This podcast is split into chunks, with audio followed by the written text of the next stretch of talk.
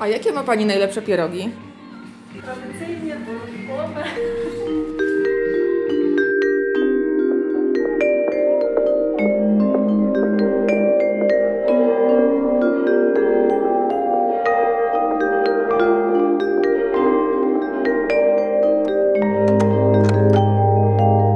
Rzeszowskie historie.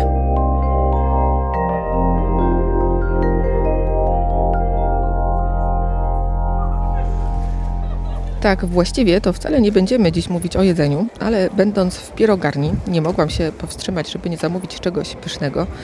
I pierogi borówkowe, oczywiście ze śmietaną i cukrem, mogę z czystym sumieniem polecić. Przed mikrofonem Grażyna Bochenek zapraszam na drugi odcinek podcastu poświęconego Rzeszowowi. W tym odcinku będziemy trzykrotnie gościć na jednym z podwórek obok kościoła Farnego. Dlaczego tam? Zaczęło się, podobnie jak spacer najważniejszym rzeszowskim deptakiem w pierwszym odcinku podcastu, od artykułu doktora Huberta Mącika zamieszczonego w książce Ulica 3 Maja w Rzeszowie, książce wydanej przez Fundację Rzeszowskiego Ośrodka Archeologicznego. W tymże artykule w jednym zdaniu została wspomniana kuczka pod adresem 3 Maja 5. Ponieważ nie wiedziałam, że w moim mieście jakieś kuczki w ogóle są, zajrzałam pod ten adres. Od razu dostrzegłam to, co moim zdaniem mogło być kuczką.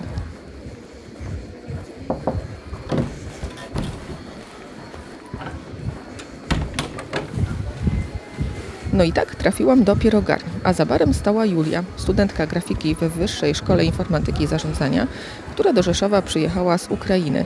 I właśnie ją zapytałam, czy wie, czym jest specyficzny drewniany balkon.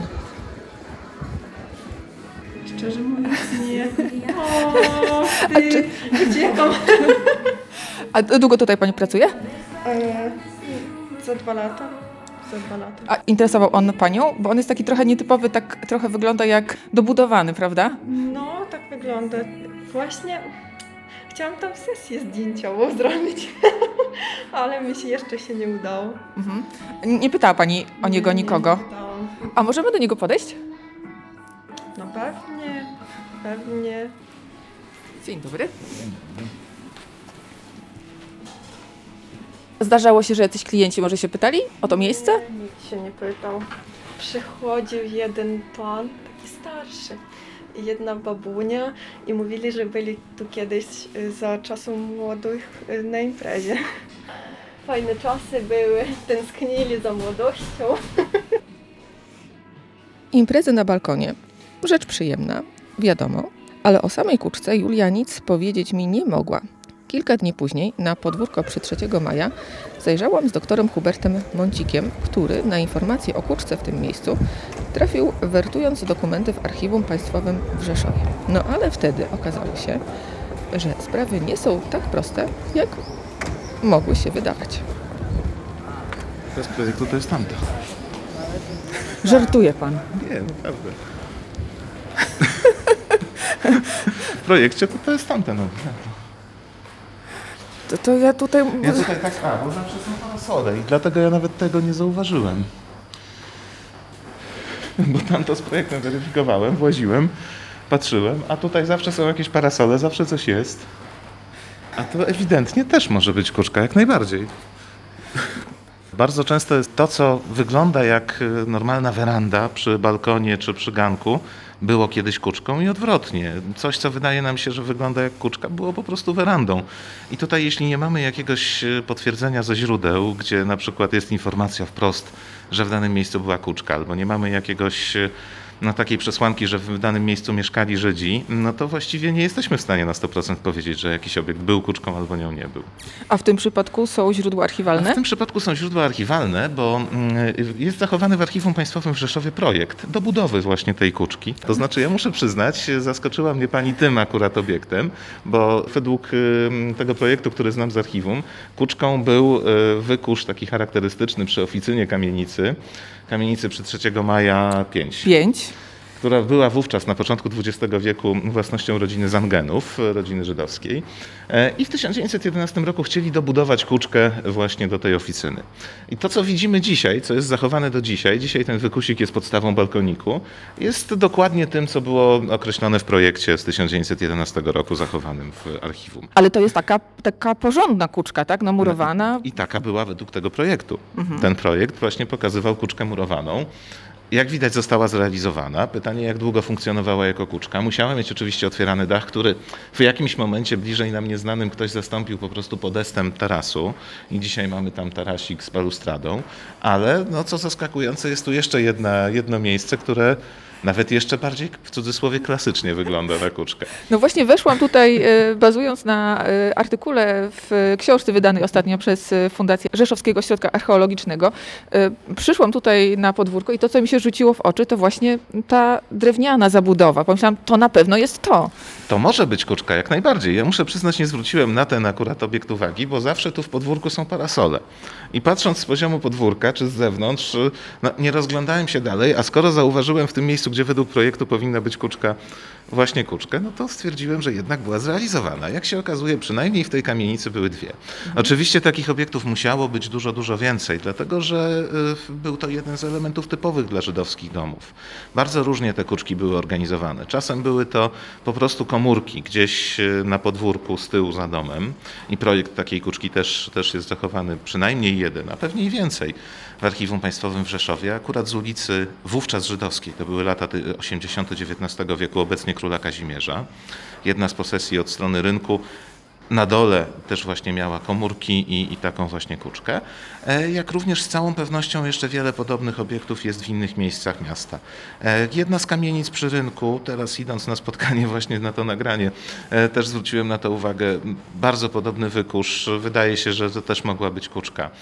Tak samo tuż obok, Kościuszki 11. Też taki drewniany, drewniana weranda nad, nad dobudówką, być może również. No, warto byłoby spróbować sprawdzić w archiwaliach, czy, czy są to właśnie takie urządzenia. No, ale w większości domów żydowskich musiały takie miejsca być, bo spędzano w nich święto Sukot. W zależności od tego, czy byli to bardziej ortodoksyjni Żydzi, czy mniej, albo spędzali tutaj więcej czasu, albo samą tylko krótką modlitwę, no to też, też różnie bywało. A czasami bywały też takie znacznie prostsze urządzenia, jak po prostu fragmenty strychów z otwieraną klapą w dachu. Y, Zanotowałam, że Władysław Szafer, wspominając swoje lata gimnazjalne, e, pisał, że jego studencka stancja każdej jesieni była otoczona mrowiem żydowskich kuczek. No jednak tych e, żydowskich obywateli tutaj było mnóstwo, więc to nie dziwi, prawda? No nie dziwi, oczywiście. Więc na pewno takich śladów jest jeszcze więcej niż te drobiazgi, które do tej pory znaleźliśmy, bo tak jak mówię, natykając się, opracowując y, historię urbanistyki ulicy 3 Maja, natykając się na taką informację, stwierdziłem, że warto to choćby jako ciekawostkę zaznaczyć, żeby ktoś też miał punkt wyjścia do dalszego, dalszego badania. Ja akurat dziedzictwem żydowskim się wprost nie zajmuję, ale nie można go omijać, bo jest to po prostu część tego, tego wielokulturowego, wieloetnicznego dziedzictwa takich miast jak Rzeszów i wiele innych miast polskich. Zastanawiam się jeszcze nad usytuowaniem tych kuczek, bo z kolei e, profesor Jadwiga Hoff pisała w swoim opracowaniu, że gdy jeden z e, rzeszowskich Żydów chciał wybudować kuczkę od strony ulicy Zamkowej, e, to podniosły się głosy oburzenia, że jednak taka kuczka powinna być od strony podwórka. Czy jak pan widzi teraz ślady tych kuczek w archiwaliach bądź przechodząc przez Rzeszów, to one są raczej od podwórek czy od głównych ulic? Raczej wszędzie, gdzie się te takie obiekty widzi dzisiaj w polskich miastach, te starsze, bo w Izraelu dzisiaj wygląda to też trochę inaczej, czy w różnych miastach e, europejskich też, raczej było od podwórek, rzeczywiście, gdzieś z boku, czy w bocznej fasadzie, czy od podwórza. E, Bardzo różną miały formę. Bywały to też w przypadku bogatych domów, czy, czy łódzkich e, bogatych e, Żydów, czy na przykład w Lublinie przy ulicy Cichej w Pałacu Zylbera, też w bogatej postaci lubelskiego świata żydowskiego. Były to całe duże wykusze, które miały powierzchnię kilkudziesięciu metrów kwadratowych. Nie tylko takie właśnie maleńkie domeczki w cudzysłowie, czy, czy zadaszone balkoniki, ale rzeczywiście, raczej u nas one są od strony podwórza. Ta kuczka, zarówno ta drewniana, jak i ta murowana, one są rzeczywiście bardzo wąziutkie, prawda? To mm, jak dużo czasu tutaj spędzano? Czy to było tylko symboliczne? Raczej były to po prostu miejsca, gdzie na modlitwę można było wejść, stanąć, y, pomodlić się i, i więcej czasu specjalnie w tych miejscach nie spędzano, ale były też dużo większe. Te nie są duże, to prawda. Ale możemy wejść, prawda? Myślę, że tak. Bo akurat ta murowana jest częścią chyba mieszkania, natomiast tutaj ta przybudówka jest otwarta. To też nierzadko bywało tak, że łączono po prostu funkcje użytkowe takich pomieszczeń e, z funkcją tą czasową kuczki. Czasem to były po prostu normalne werandy, które funkcjonowały jako jakiś ganeczek, ale właśnie też jako kuczka w przypadku święta suka. Ganeczek, taki hol, taki wiatrołap trochę, tak? Dzięki temu może było Czasem cieplej. Też, ale raczej właśnie ta funkcja kuczki miała być dominująca i raczej było to takie właśnie tylko i wyłącznie na ten cel przygotowane pomieszczenie. I tak się zastanawiam, ile osób się tutaj byłoby w stanie zmieścić. Pana zdaniem? Trzeba ściągnąć okulary, bo nam zaparowały. No, kilka by się zmieściło. Może kilkanaście nawet, ale tak ciasno wtedy. No to chyba raczej już nie. Nie?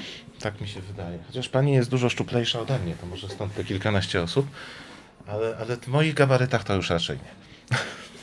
A czy tutaj pan dostrzega jakieś elementy typowo e, żydowskie dla architektury żydowskiej, czy to już za, za, za dużo czasu minęło? Czasami w takich miejscach, tutaj muszę przyznać, nie widzę, żebyśmy widzieli jakieś takie elementy, ale czasami w takich miejscach są zachowane, może nie tyle ślady jako takie żydowskie, ile po tej funkcji kuczki. A Bywa, jakie by to były ślady? Na przykład haki nad e, takim właśnie, nad taką kuczką na ścianie. Mhm. Haki, na których po prostu były zawieszone łańcuchy, czy sznury, na których podnoszono dach. Bo to było istotne w przypadku kuczki.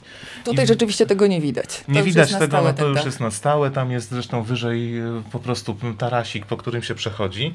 E, No ale minęło już ponad 70 lat przecież od czasu, kiedy, nawet więcej, pewnie ponad 80 od czasu, kiedy ostatnio to miejsce mogło być używane w sposób religijny, a nie tylko jako przejście do wejścia do pomieszczeń. Zamiast jednej kuczki dwie.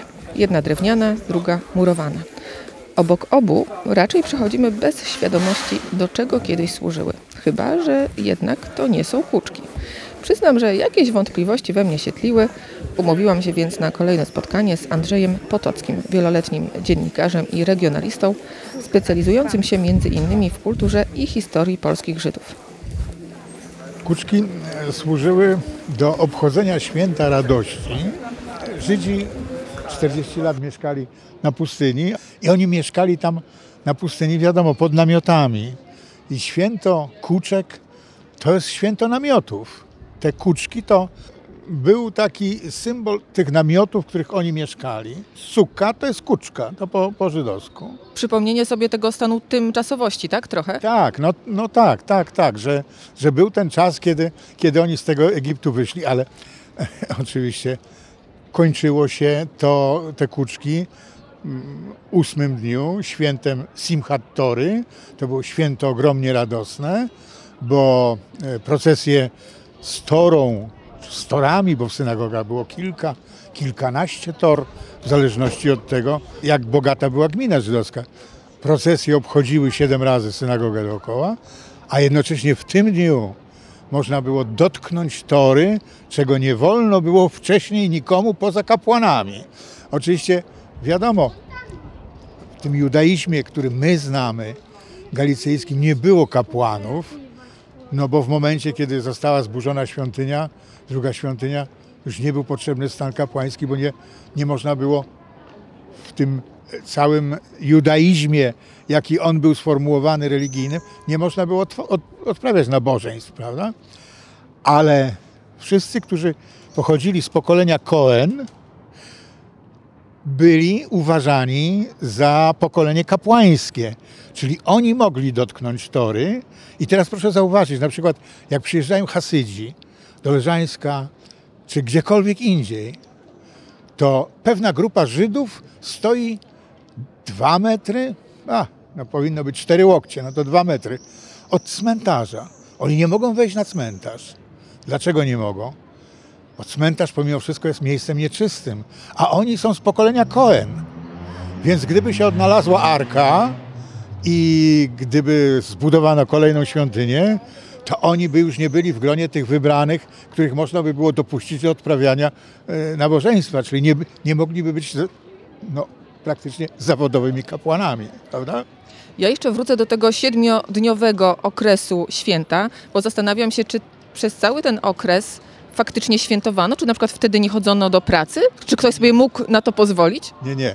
U Żydów e, jest tam ta grupa świąt religijnych, kiedy nie wykonuje się żadnych czynności, ale e, powszechną jest sobota, czyli szabas.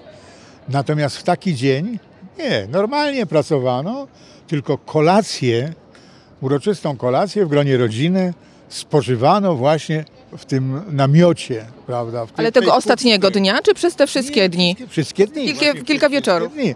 Przez siedem dni spożywano właśnie tam kolację w gronie rodziny, właśnie w tej kuczce żydowskiej. Elementem podstawowym kuczki, kuczki żydowskiej było to, że trzeba było widzieć niebo. I stąd na przykład te otwierane dachy, tak? Otwierane dachy, stąd otwierane dachy, ale też e, kuczki, e, te, które były na zapleczach domów budowane, bo większość biednych Żydów nie miała możliwości zbudowania sobie kuczki jakiejkolwiek, poza właśnie tym jakimś tam z, z gałęzi, z paliku, jakaś tam konstrukcja taka prowizoryczna, no i na, nakryta gałązkami wierzby. Więc oni w tym tam no, stół, krzesełka i tam jedli zwyczajnie kolację, nic więcej. I co roku po prostu stawiali kolejną kuczkę. Tak, oczywiście co roku stawiali kolejną kuczkę, jeżeli to były takie kuczki stawiane doraźnie. No bo jaka to była pora roku? To było dwa tygodnie po Nowym Roku, wedle kalendarza żydowskiego. W kalendarzu żydowskim Nowy Rok to jest gdzieś połowa września, no między powiedzmy w trzeciej dekadzie września jest Nowy Rok. Więc dwa tygodnie po e, Nowym Roku rozpoczyna się to święto Sukot. Dobrze, czyli w takim razie tylko kolację, tak? Tam spożywano? Tak, tak, tylko kolację spożywano, no bo rano wszyscy mężczyźni szli na modły, kobiety szły do pracy, no bo jak mężczyźni muszą wypełniać Słowo Boże, no to ktoś musi na to wszystko zapracować, nie? No to wiadomo, że pracowały kobiety przede wszystkim, zwłaszcza w tym środowisku ortodoksyjnych Żydów. Chodzi mi o to, że te kuczki, które dziś jeszcze czasami spotykam, one są stosunkowo niewielkie, więc się zastanawiam, jak dużo czasu tam spędzano. Czyli na ten czas kolacji po prostu. Pojawiał się tam stół wtedy? Tak, pojawiał się stół, pojawiały się krzesła. No wszystko musiało się odbyć tak, jak odbywała się kolacja. Czyli musiał być obrus, musiały być odpowiednie tam nakrycia, musiały znaleźć się świeczniki.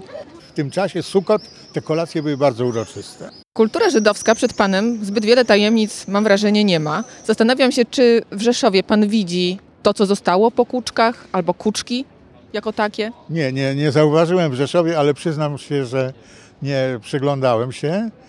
Natomiast y, parę, parę miejsc po kuczkach zauważyłem. No przede wszystkim tak, najważniejszy w tym wszystkim jest Tyczyn. Tam jest kuczka, która jest unikatem w skali krajowej. Jest to kuczka na poddaszu z piękną polichromią.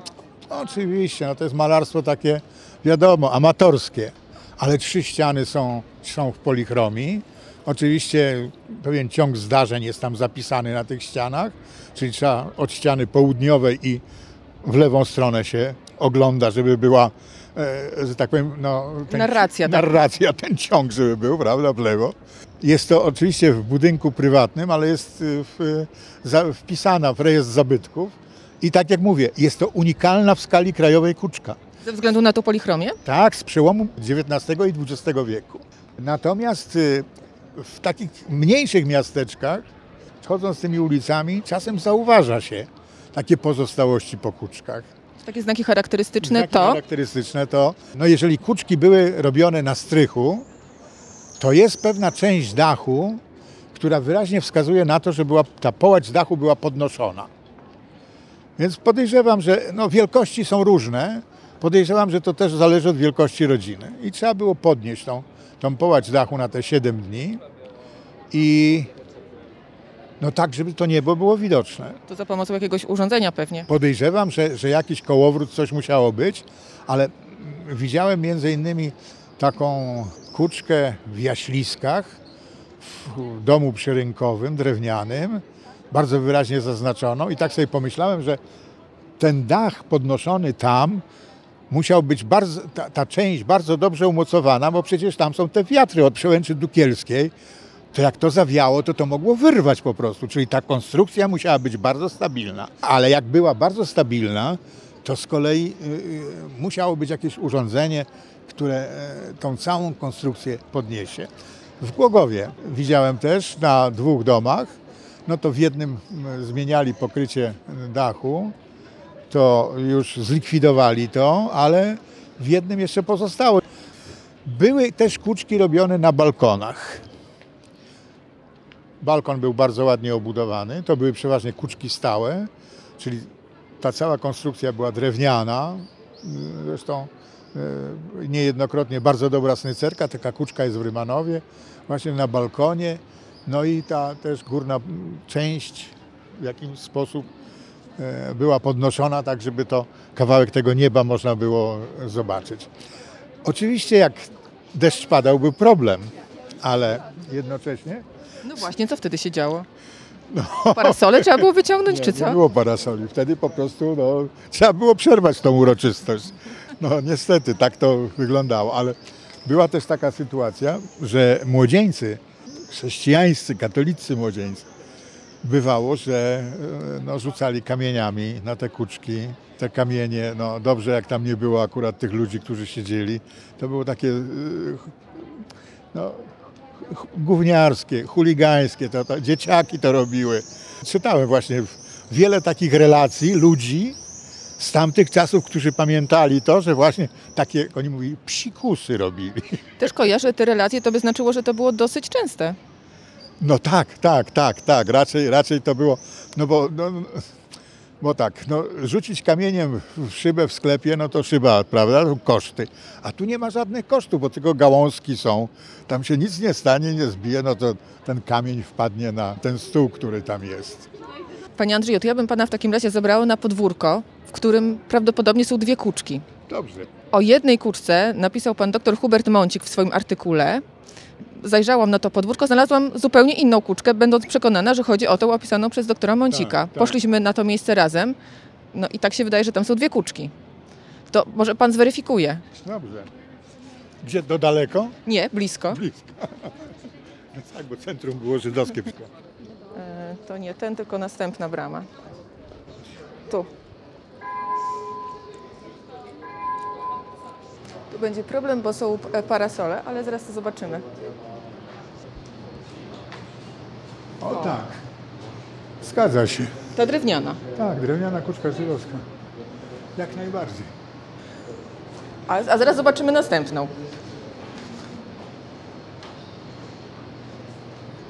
To jest kuczka, jak najbardziej. A po drugiej stronie, o tam, ta przybudówka taka murowana, to też zgodnie z projektem to jest kuczka. Taki ten balkon właściwie, ten No widzę, widzę. I teraz pani widzi, nad oknem jest taka płaszczyzna prostokątna i widzi pani tam na górze zawiasy były. Widzi pani te zawiasy? Zawiasów nie widzę, widzę z boku te elementy drewniane. Nie. Ta płaszczyzna bezpośrednio nad oknem. I tam są dwie takie dziury. A tam widzę rzeczywiście. I I to tam były zawiasy. I to się podnosiło do góry. No, tak.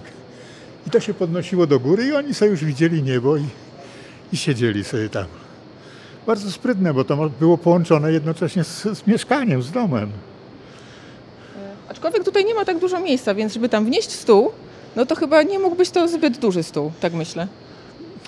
Raczej to tak symbolicznie było. Podejrzewam, że jednak ta cała uroczystość była w domu, czy, czy na, na, z tym zderzeniu domu z kuczką, wie pani, ale jednak no, widać, że to, to podnoszone było.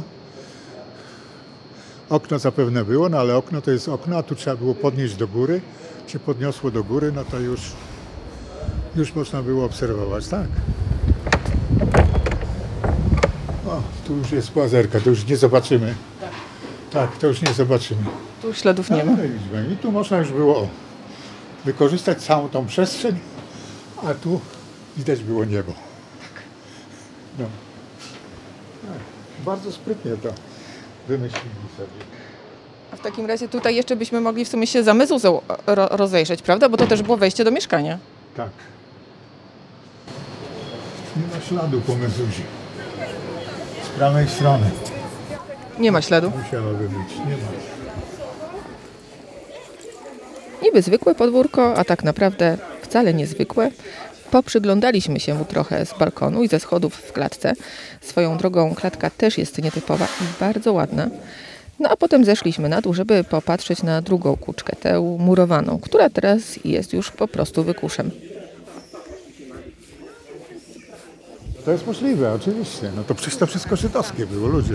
I dlatego się zastanawiam, ile takich miejsc jeszcze w Rzeszowie jest. No pewnie no może trochę. być dużo. No trzeba by było po tych właśnie pochodzić po tych zaułkach. Tak, tak. To przed nami jeszcze w takim razie Chodzić, takie zadanie. chodzić pod, od bramy do bramy, od bramy do bramy i obserwować. Podejrzewam, że gdyby się dobrze przyglądnął, a jeszcze teraz, kiedy są drony, gdyby te drony wysłał, podejrzewam, że parę dachów by, by znalazł takich, na których e, są te ślady kuczek. Dachy, balkony.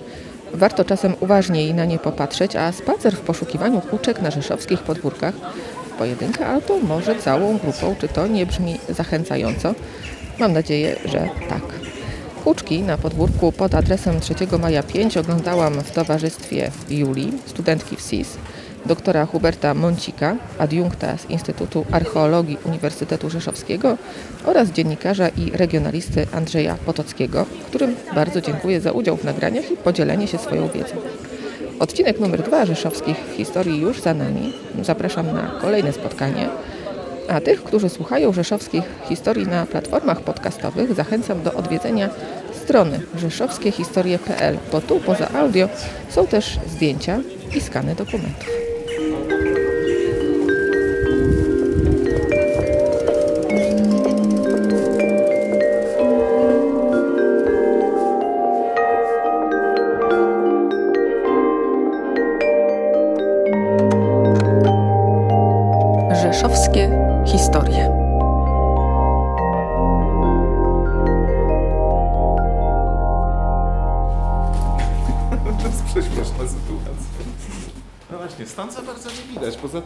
Człowiek jest zogniskowany na jakimś miejscu, no bo ja szukałem, gdzie ona powinna być i znalazłem.